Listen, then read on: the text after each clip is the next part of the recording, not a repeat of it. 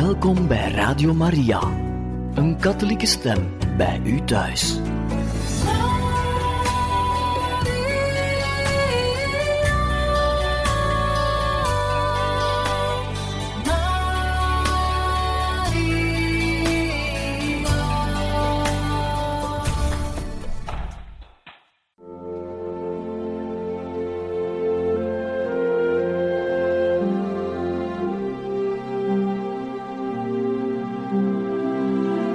Beste luisteraars van Radio Maria, welkom bij het programma Catechismus. Een overweging bij de geloofschat van de kerk.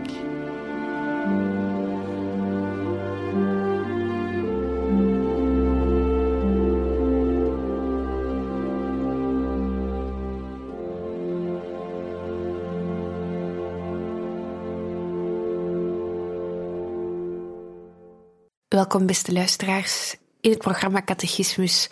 U kan vandaag verder luisteren naar een catechese-reeks over zending vanuit de Heilige Schrift, gebracht door Salvatoriaan Pater Michel Coppin. Als ik zal gestorven zijn, zal ik pas helemaal leven. Heer God, de uren van de dagen en de dagen van de jaren stromen als water door onze handen.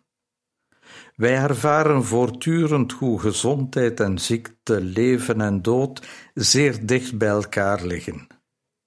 Het doet ons pijn en maakt ons mistroostig dat we ooit afscheid moeten nemen van het leven en van zoveel geliefde mensen.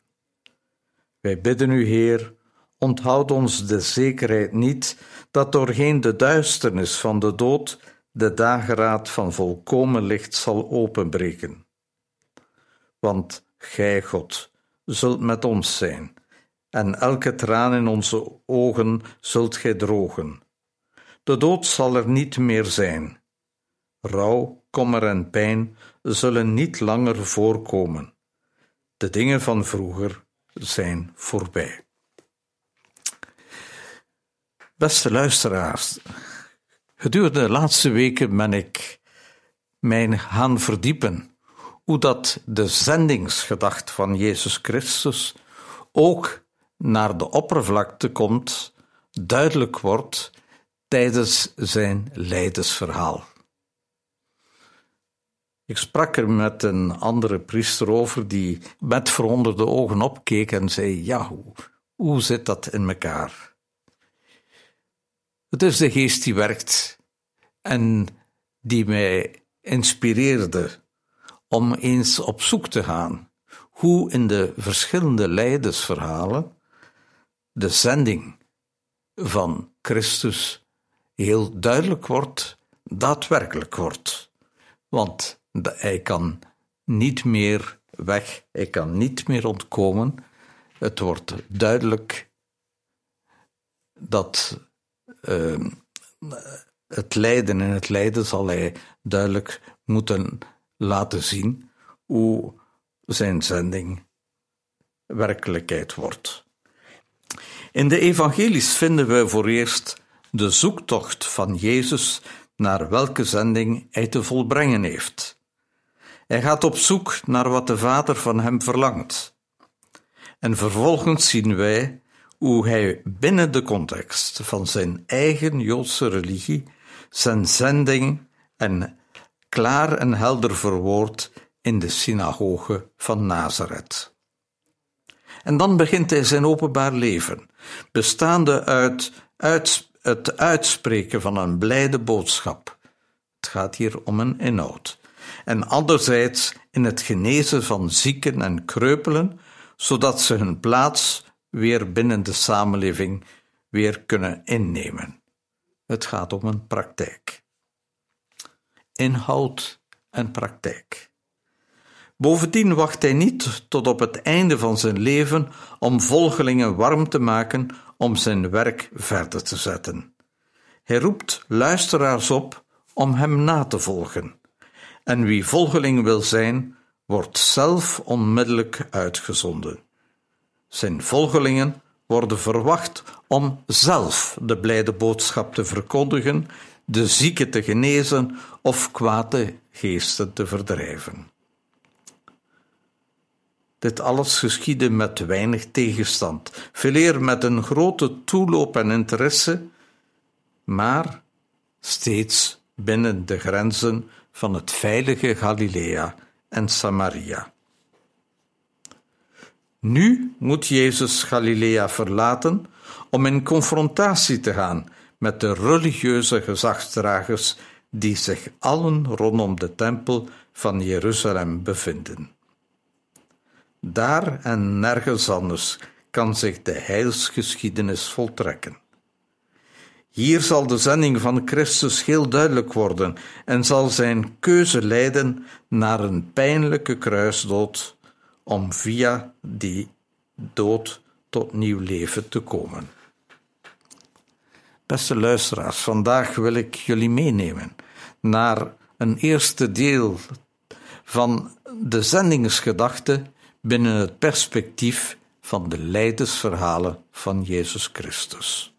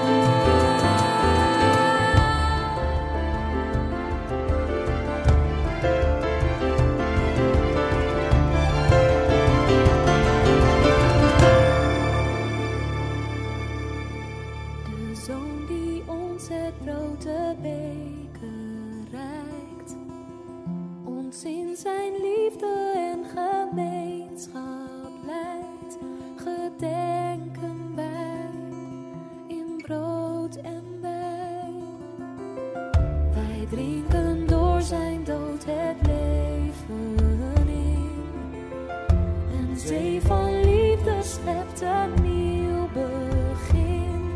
Nooit meer alleen, met Jezus één,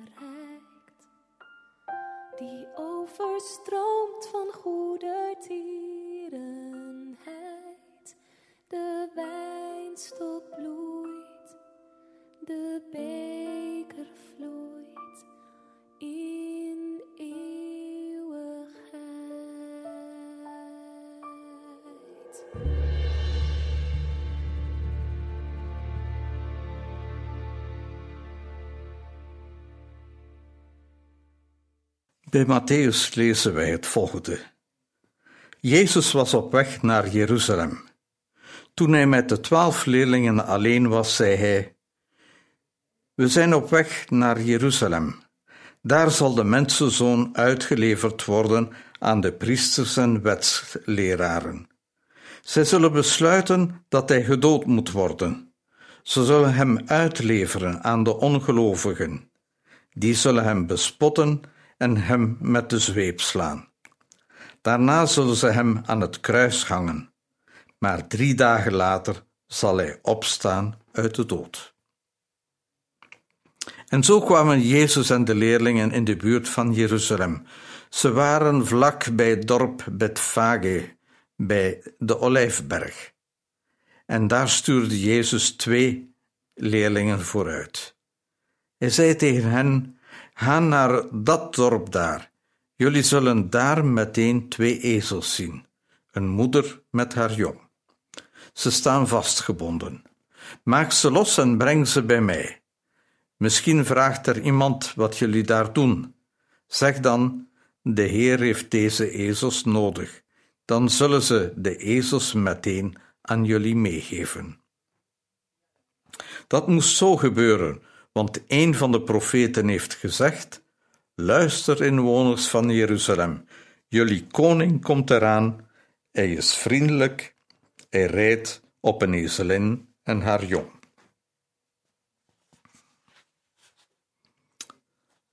Het leidsverhaal dat naar nieuw leven zal leiden, begint met een blijde intocht in Jeruzalem. Het is de overgang van Galilea met de grote massa's toehoorders, een waar succesverhaal naar de totale eenzaamheid en ontgoocheling in de Hof van Olijven en bij zijn laatste levensmomenten aan het kruis. Jezus wordt als een grote held ontvangen in Jeruzalem. Men heeft gemerkt dat hij een sterke boodschap heeft, die mensen weet te inspireren. Door zijn genezingen en duivelsuitdrijvingen gaf hij mensen die aan de rand van de samenleving stonden nieuwe levensperspectieven. Deze goede herder roept bij de massa's herinneringen op van de grote koning David, tenminste van het zeer positieve beeld die ze over hem gemaakt hadden. Maar het volk dacht aan zichzelf, aan de vele belastingen, aan de onderdrukking door de bezetting van de Romeinen.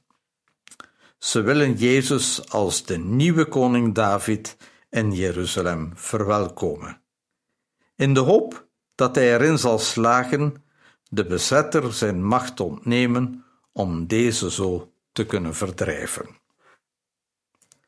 En we zien dat Jezus de verwachtingen van de volksmassa doorheeft.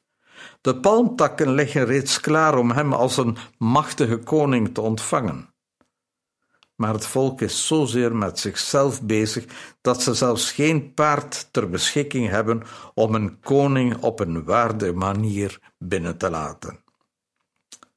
Jezus weet hierop zeer handig in te spelen. Hij vraagt zijn leerlingen een veulen van een ezel te zoeken. Gezeten op die ezelin met haar veulen doet hij zijn blijde intocht in Jeruzalem. Door deze symbolische handeling probeert hij de massa's aan het denken te zetten. Hij zit niet op een mooi groot paard die door zijn statigheid zijn macht weet uit te stralen. Hij neemt daarentegen een ezel, een dier dat slechts goed is om lasten te vervoeren, en dan nog wel een kleine ezel, het nieuwe jonge leven. De kleine ezel zal uiteindelijk alle lasten van alle onbarmhartige religieuze regels wegvoeren, zodat er plaats komt voor een vreugdevolle liefdesband met de Vader. Hiertoe werd Jezus door zijn Vader gezonden. We zien het verder bij Matthäus dat de twee leerlingen naar het dorp gingen. Ze deden wat Jezus gezegd had. Ze brachten hem de ezelin en haar jong. Ze legden jassen op de rug van de ezels en Jezus ging erop zitten. Veel mensen legden hun jas op de weg. Anderen haalden takken van de bomen en legden die op de weg. Ze liepen voor Jezus uit en achter hem aan, en ze riepen: Alle eer aan God. Leve de zoon van David. Leve de man die door God gestuurd is. Alle eer aan God in de hemel. Zo kwam Jezus in Jeruzalem aan. Iedereen in de stad praatte erover en de mensen vroegen zich af: wie is die man? De mensen die met Jezus meegegaan waren, zeiden: Dat is Jezus, de profeet uit Nazareth en Galilea. We zien dus dat Jezus eigenlijk een loopje neemt met de verwachtingen van de mensen. Mensen zien in hem een bevrijdingsstrijder, die hen zal bevrijden van het moeilijke, lastige, zware juk van de Romeinen. Maar Jezus, door op een ezel te kruipen, is als het ware aan spotten met het beeld. Hij is niet degene die op zoek is naar macht. Hij is niet de politieke leider. Hij is een spirituele leider die enkel de liefde van zijn vader tot de mensen wil brengen en daarvoor tot het uiterste wil gaan. Eens in Jeruzalem komt er de confrontatie van Jezus met de Joodse religieuze leiders. Het wordt de confrontatie van twee soorten religies. Deze van de vele regeltjes en privilegies voor de leiders. Deze van het offer brengen, offers brengen in de tempel, om op die manier God te behagen.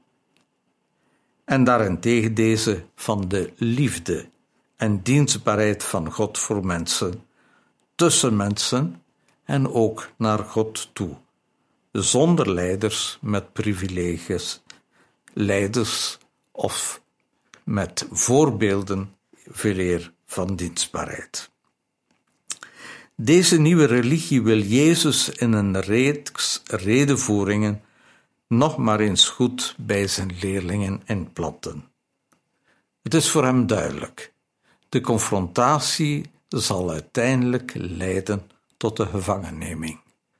Hij probeert zich nog overal te verbergen, zeker s'avonds, zodat ze hem niet kunnen gevangen nemen en zodat hij ook in de hoofdstad, in de religieuze hoofdstad van Israël, in Jeruzalem zijn boodschap kan verkondigen en de mensen ook enthousiast kan maken voor de religie die, waartoe hij gezonden wordt om deze bij de mensen ook in het zuiden, in Jeruzalem, in Juda te brengen. Er volgen enkele symbolische handelingen, enkele aanbevelingen en ook enkele beloftes. En hiervoor gaan wij te raden bij het leidersverhaal van de evangelist Johannes. Zo zien we bij Johannes dat Jezus de voeten van zijn leerlingen wast vooraleer met hen te tafelen. Jezus weet dat zijn uur gekomen is en hij wil nog eens tafelen met zijn leerlingen. Hij wil hen nog enkele belangrijke dingen op het hart drukken. Hij wil hen voorbereiden op zijn afwezigheid. Hij wil hen voorbereiden op een zending waar hij niet meer lijfelijk aanwezig, bij aanwezig zal zijn. En zo zien wij dat Jezus eerst en vooral de voeten van zijn leerlingen wast, vooraleer met hen te tafelen. Wat betekent dat? Waarom doet Jezus dat? Het ging over een zeer verspreid Joods gebruik, bijna een heel ritueel van dat men voor een feestmaaltijd de voeten van de gasten ging wassen. Dit ritueel was vuil en ongezond werk. Eh, de mensen van die tijd droegen geen schoeisel zoals wij deze gewoon zijn, maar een soort sandalen waar alle mogelijke vuiligheid van de wegen in terecht kwam of mee in contact kwam. Het was niet bepaald een leuk werk om de voeten van de gasten te, te wassen, en het was daarom ook voorbehouden als een werk voor de slaven. Zij moesten dit uitvoeren in opdracht van de gastheer, die meestal religieuze leiders waren, die er hun handen niet wilden aan vuil maken. Dit teken staat symbool voor het wegnemen van alles wat de mensen bezoedelt, zijn falen, zijn tekorten, zeg maar zijn zonden. Alles wat het leven van de mensen onrein maakt. Jezus vraagt zijn leerlingen om elkaar zonden te vergeven, te verwijderen, zodat er een nieuwe frisheid, een nieuw leven, nieuw leven zelfs in die voeten kan binnencijpelen tot een nieuwe vreugde die mensen weer blij en gelukkige mensen wil maken. Jezus vraagt zijn leerlingen mekaars voeten te wassen en hij zelf geeft het voorbeeld. Hij trekt de sandalen uit, neemt water, neemt handdoeken en hij gaat aan het werk. Hij gaat hierbij niet, het gaat hierbij niet meer om geprivilegieerde ambtenaren die onderdanen die opdracht geven om de voeten van de gasten zuiver te maken, maar om de oproep om als gelijken mekaars voeten te wassen. Dit wil zeggen mekaar te vergeven en vergiffenis te vragen om mekaar tot zuiverheid en frisheid te brengen. Het gaat hier om een nieuwe zending en hiertoe werd Jezus door de Vader gezonden. Hij is gezonden om het onreine weer rein te maken, om datgene, het onreine die de oorzaak van is dat mensen uit de samenleving uitgesloten worden, hen weer bij de, bij de mensen in de gemeenschap samen te brengen. Luisteren we naar een stukje evangelie van Johannes, waarin Jezus probeert eigenlijk, of het voorbeeld geeft aan zijn leerlingen om hen om de voeten te wassen. Jezus wist dat hij van zijn Vader alle macht gekregen had. Hij wist dat hij bij God vandaan gekomen was en dat hij weer naar God zou teruggaan. Tijdens het eten stond Jezus op. Hij trok zijn kleren uit en deed een doek om zijn middel, alsof hij een slaaf was. Hij deed water in een bak en begon de voeten van zijn leerlingen te wassen. Hij droogde hun voeten af met de doek die hij omgedaan had. Toen Jezus bij Simon Petrus kwam, riep die: Heer, u gaat toch niet mijn voeten wassen? Jezus zei tegen hem: Nu begrijp je niet wat ik doe, maar later zul je het begrijpen. Petrus zei: U mag beslist mijn voeten niet wassen, nooit. Jezus zei: Als ik jouw voeten niet mag wassen, kun je niet bij mij horen. Toen zei Petrus: Heer, was dan niet alleen mijn voeten, maar ook mijn handen en mijn hoofd. Jezus zei: Iemand die zich al gewassen heeft, is rein. Hij hoeft niet opnieuw gewassen te worden, behalve zijn voeten.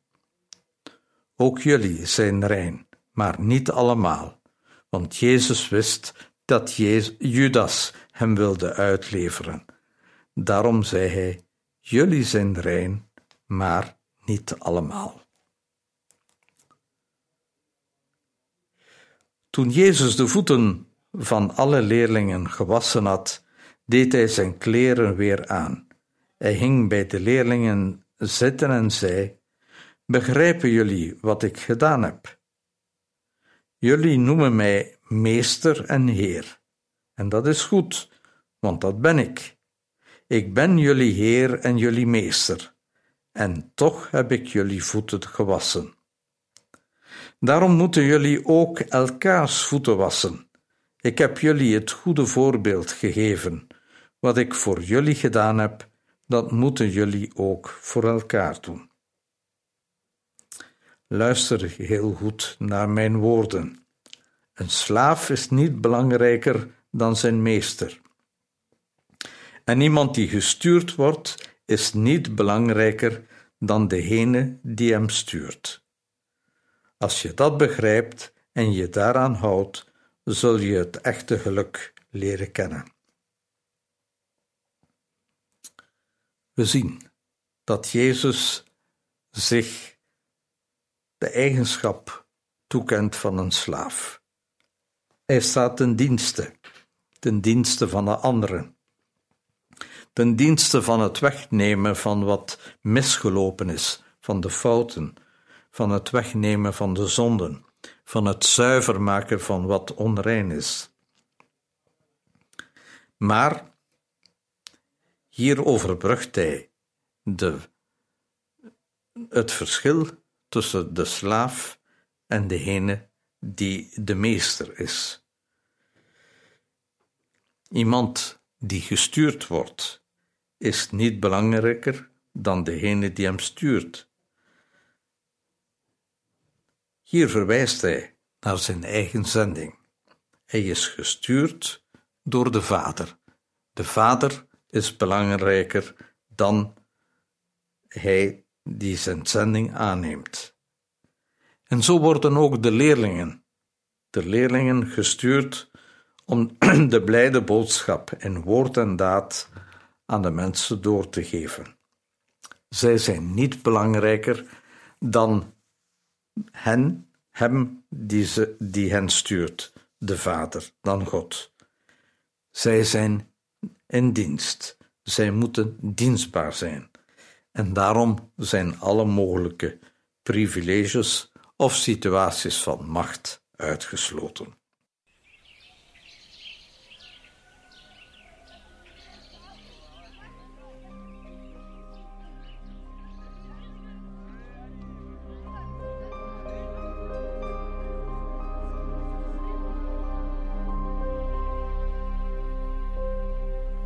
Admirable grandeur,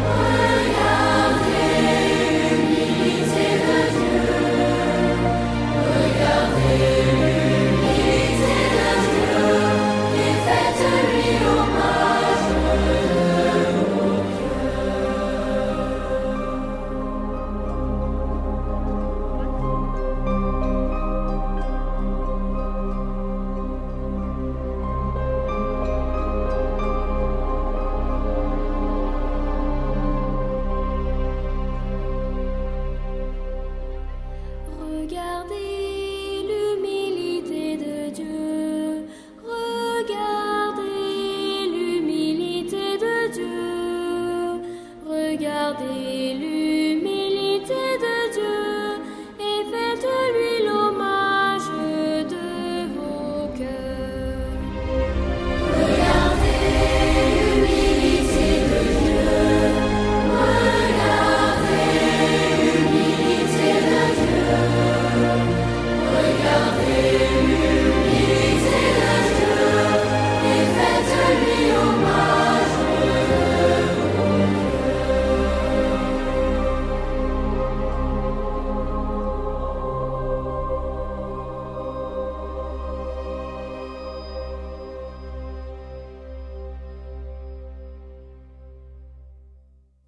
zo zijn we aan het einde gekomen van deze catechese, gebracht door Salvatoriaan Pater Michel Copin, in een reeks over zending vanuit de Heilige Schrift. Radio Maria wenst u nog een mooie dag toe.